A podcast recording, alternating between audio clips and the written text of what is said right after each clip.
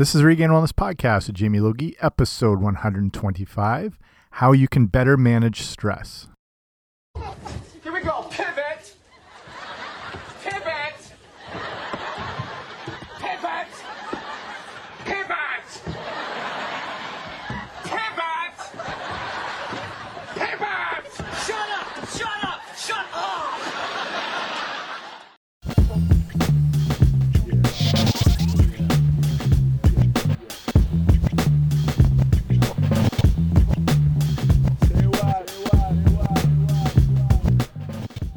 Hey guys, what's happening? Welcome back to the podcast. I'm Jamie Logie. I run regainedwellness.com, and this is the Regained Wellness Podcast. So thank you for joining me here today on a kind of a recap episode on stress. I've covered a lot before, but this is just um, a little refresher, if you will, and how you can hear in the clip how to not deal with stress in the best way and how it affects all of us. And it's just, um, there's different, you know, little tips and management tricks you can use to um, handle it better. And I'll just, you know, share some more of the info on how damaging stress really is, you know, regardless of if it's uh, a real physical stress or a perceived stress or um, all the things like that and the actual damages and issues it's causing. So be kind of a quicker episode, but I think always good to be aware of um, this as it does affect so many people and how to better um, handle and, and deal with it. So, uh, just before that, make sure, if you haven't already, make sure to subscribe to the podcast. that way, you get it automatically delivered to you each week, and I don't have to uh, hand deliver it, and it's automatically sent. Um, you can, I mean, iTunes is probably where you're listening, but if not, you know, places like Stitcher Radio, Google Play Music, wherever you get a podcast, hopefully I'm there. Um, I should be. So that's uh, make sure you subscribe so you're all set. And let's get right into this. Okay, like I said, it's it's not that you can ever eliminate stress. There always be some, and actually a little bit is good for you. Um, it's just you know chronic long term stress. That's the problem we're looking at. So it's not that it's gonna just be you know snap your fingers and it's gone. It's more about how how you can cope and manage um, stress. So to me, it's like when we're looking at this whole idea of being as healthy as possible, your diet, your nutrition is, you know, the critical part. That's the cornerstone of all things. And then it gets into obviously your your fitness, your exercise, being active, keeping your body moving, um, you know, drinking good clean water, sleep. But stress without a doubt has to be the most over, overlooked aspect of getting healthy and well you know, like with those things I mentioned, we're good at recognizing we need to eat better. More people are getting into eating as clean as possible and eating organically and finding, you know, grass fed beef. And um, we know to take better care of ourselves through exercise and, you know, gym memberships are as high as ever. People know all this stuff. Um, but we allow stress to practically undo all that great work we have done. So if you think stress is not physically affecting you and your body, um, you really need to get an understanding of why why this is called the the silent killer. Um, if we want to look at what stress is, it's simply how your body reacts to potentially harmful situations. And what is most of you know the most important thing here is it really doesn't matter in, in, as it pertains to your body and how it responds, it really doesn't matter if that stress is real or perceived. Your body reacts the exact same way. So if anyone tells you your worries or whatever, it's just in your head. That's just not how it works. Your body doesn't know the difference between um, that that physical stressor that um, just perceived one. So essentially, during times of stress, your body reacts with the release of chemicals and hormones, primarily primarily cortisol is, is the main one, that are there and they're in us to help prevent injury or trauma. And everyone knows this as the fight or flight response. Um, that's you know pretty much common knowledge, and that response is extremely crucial to our survival. So whether that is you escaping the chase of a saber-toothed tiger or jumping out of the way of a speeding car running a red light today is probably more relevant or trying not to get trampled on a Black Friday sale in a Walmart. You know, the the physical stressors we have are um, you know, we really don't have to worry about well in in some situations like, you know, weather, trauma, getting caught out in in storms like we would have, you know, our ancestors would have used to or predators or whatever. We just we don't have the same issues, but our body still has that built-in mechanism to protect us. It's in these short bursts, it's really necessary and crucial to our survival um, and our well-being that our body is able to respond quickly and protectively.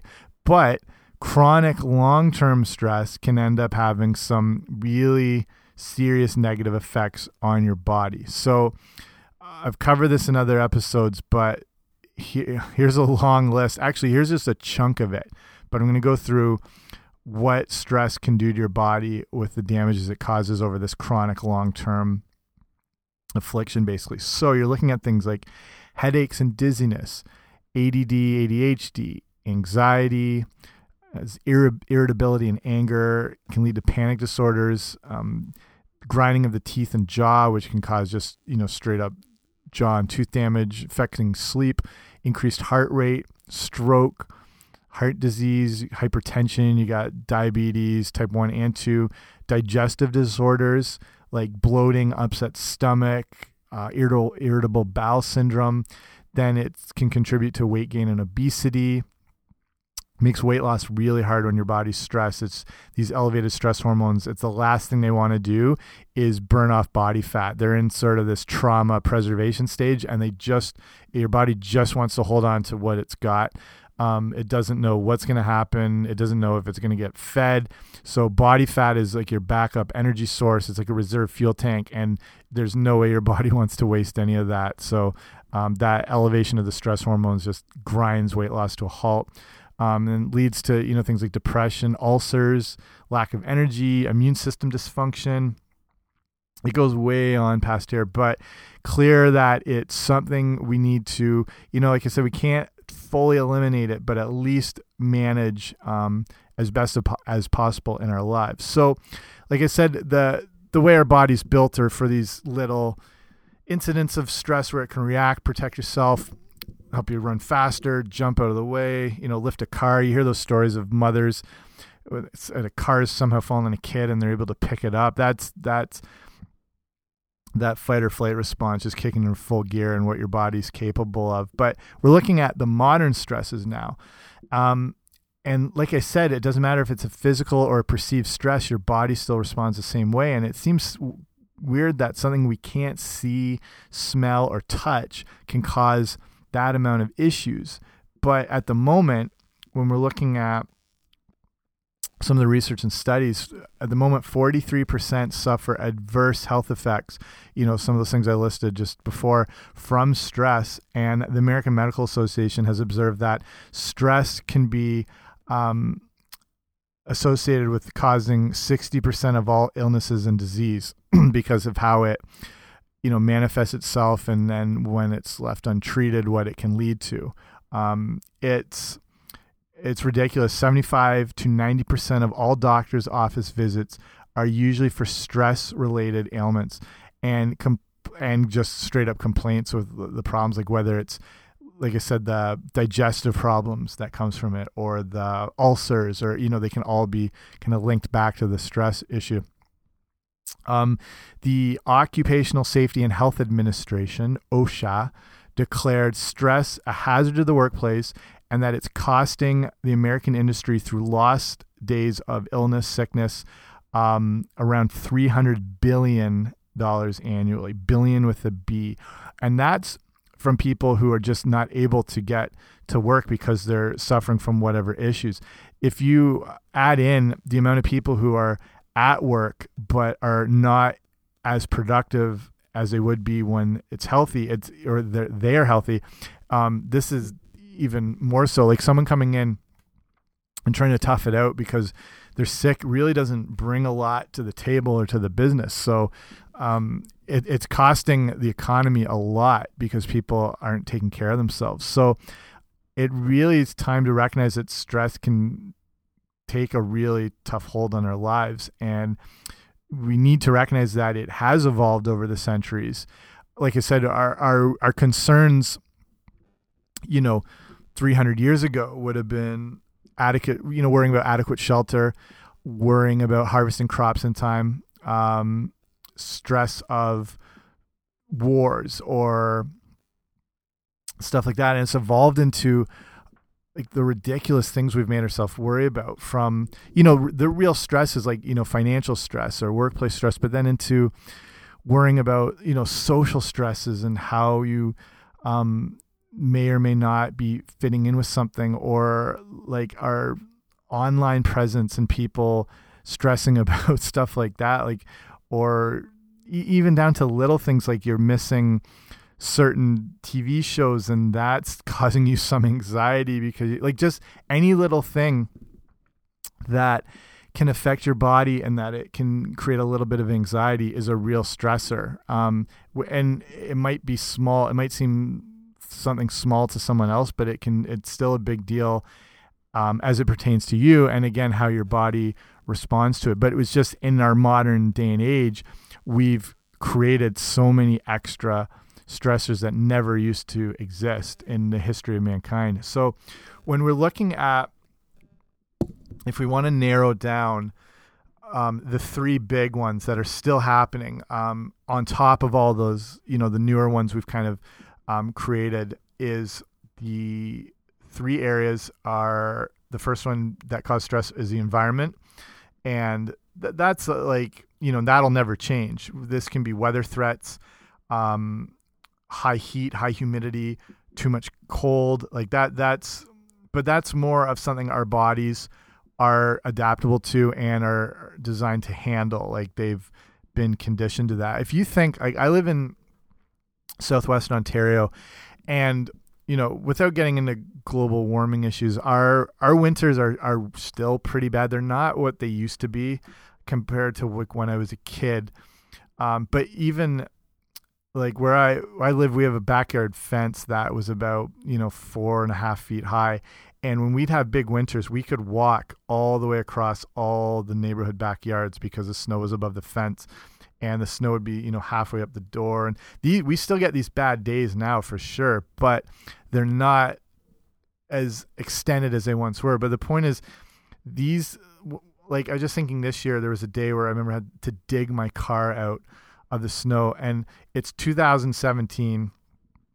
Everything is so easy for us. We don't, you know really have to be physically strong or like our environments are warm we have great housing and transportation and i try to picture the original settlers that came into canada and how they traveled through you know like the st lawrence seaways into quebec and they worked their way into southwestern ontario and they um, even the original um, native canadians and they would have traveled through up the great lakes and the connections and or any of the original pioneers and where they settled, how in the hell they made it through the winters, I don't understand. And I don't understand how they ever stayed here.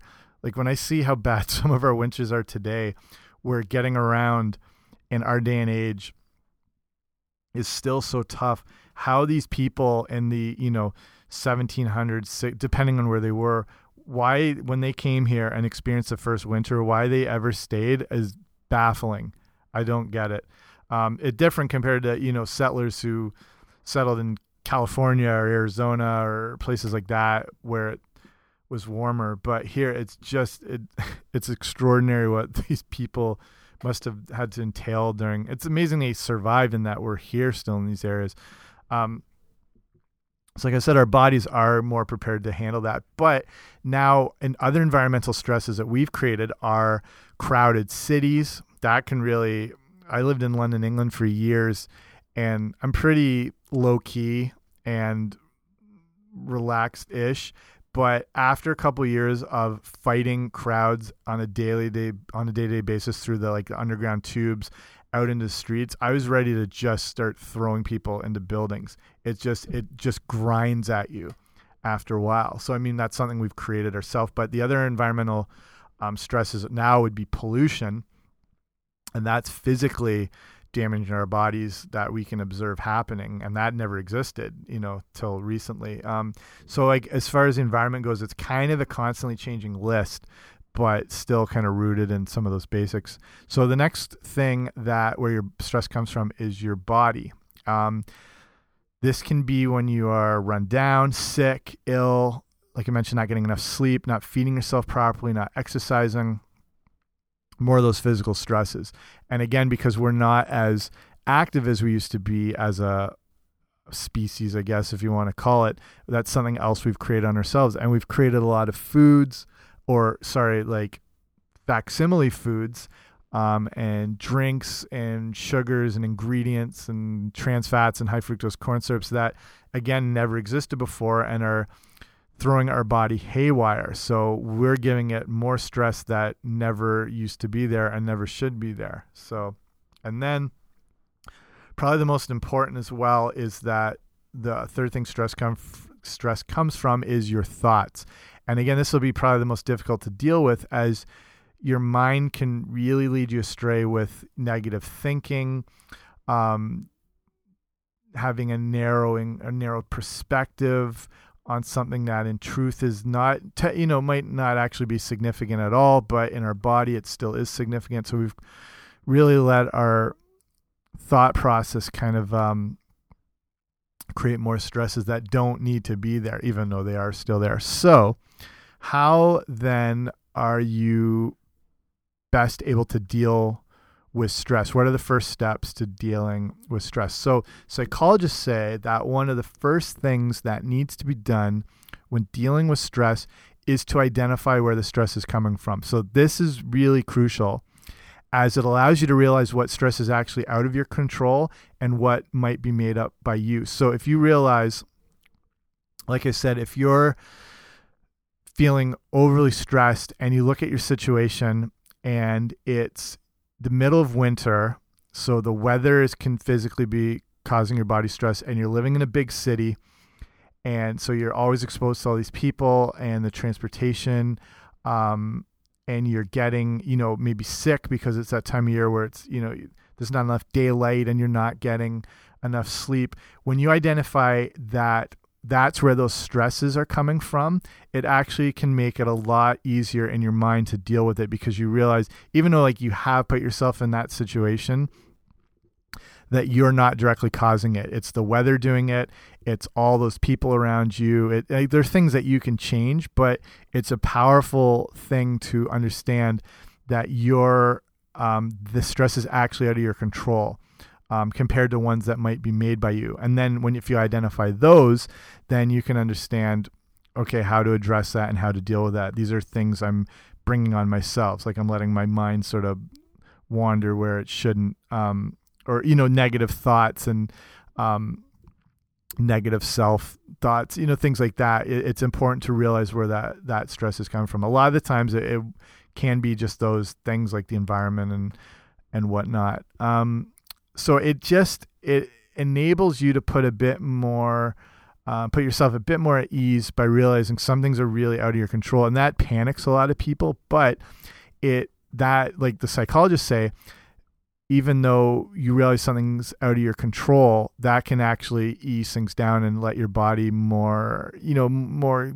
become more capable of um, dealing with it like internally. So this it's essentially allowing you to create a better stress management mindset. And this goes back with the American Heart Association. They share that changing your thought process has some real stress management benefits. Like I said, you're not going to get rid of stress completely. It's just more about limiting it and managing it better. So they say that simply getting in the habit of, I can't do this, to I'll do the best I can, can really actually set you up for success. It's just that mindset change um, and can really work wonders um, in your body because that's what you're looking at is maintain or managing the stress that is not you know as likely to cause all these potentially horrific situations. So um, it just it can really help along like doing that along with telling yourself you can handle things by taking things um, one step at a time as opposed to thinking everything is going wrong. Um, it's easy to let all that crap pile itself on you But if you tell yourself you can handle whatever by just dealing with one thing at a time, this is where it really helps to. I don't do this as much, um, like journaling, but that's a really powerful way of getting your thoughts out and, and seeing what you have to deal with. I'm big on writing out like lists as far as what you want to do each day or accomplish, even if it's little things like just having an order of it. And if you are feeling stresses, um, if you have all these things to deal with, don't let them bundle up. Just like write down what you've got to do, and then just worry about doing one of those things one at a time. And again, like they, the American Heart Association says, this really helps change your thinking and helps to um, help manage everything. So here's some. You got five other ways that again recommended by you know psychologists and experts on the best ways you can deal with stress. So number 1 is simple again these are simple but the things people sort of forget to do. Number 1 would be counting to 10 before reacting and this can really help whether it's just you're not wanting to lose your temper or before you respond count to 10 um, that's one of the classics that does still work uh, exercise of course is always going to be a good stress um, manager. But even just like long walks or bike rides or hikes can have that calming effect on the body. And when you do exercise, you get that burst of mood altering chemicals like endorphins, you know, whether you have like um, a runner's high or just after workouts. Exercise is always a go to, and it's free. You know, well, besides gym memberships, as long as they aren't jacked through the roof. But like going for a walk does not cost you anything. Um, one of the big number three of ways to deal is deep breathing.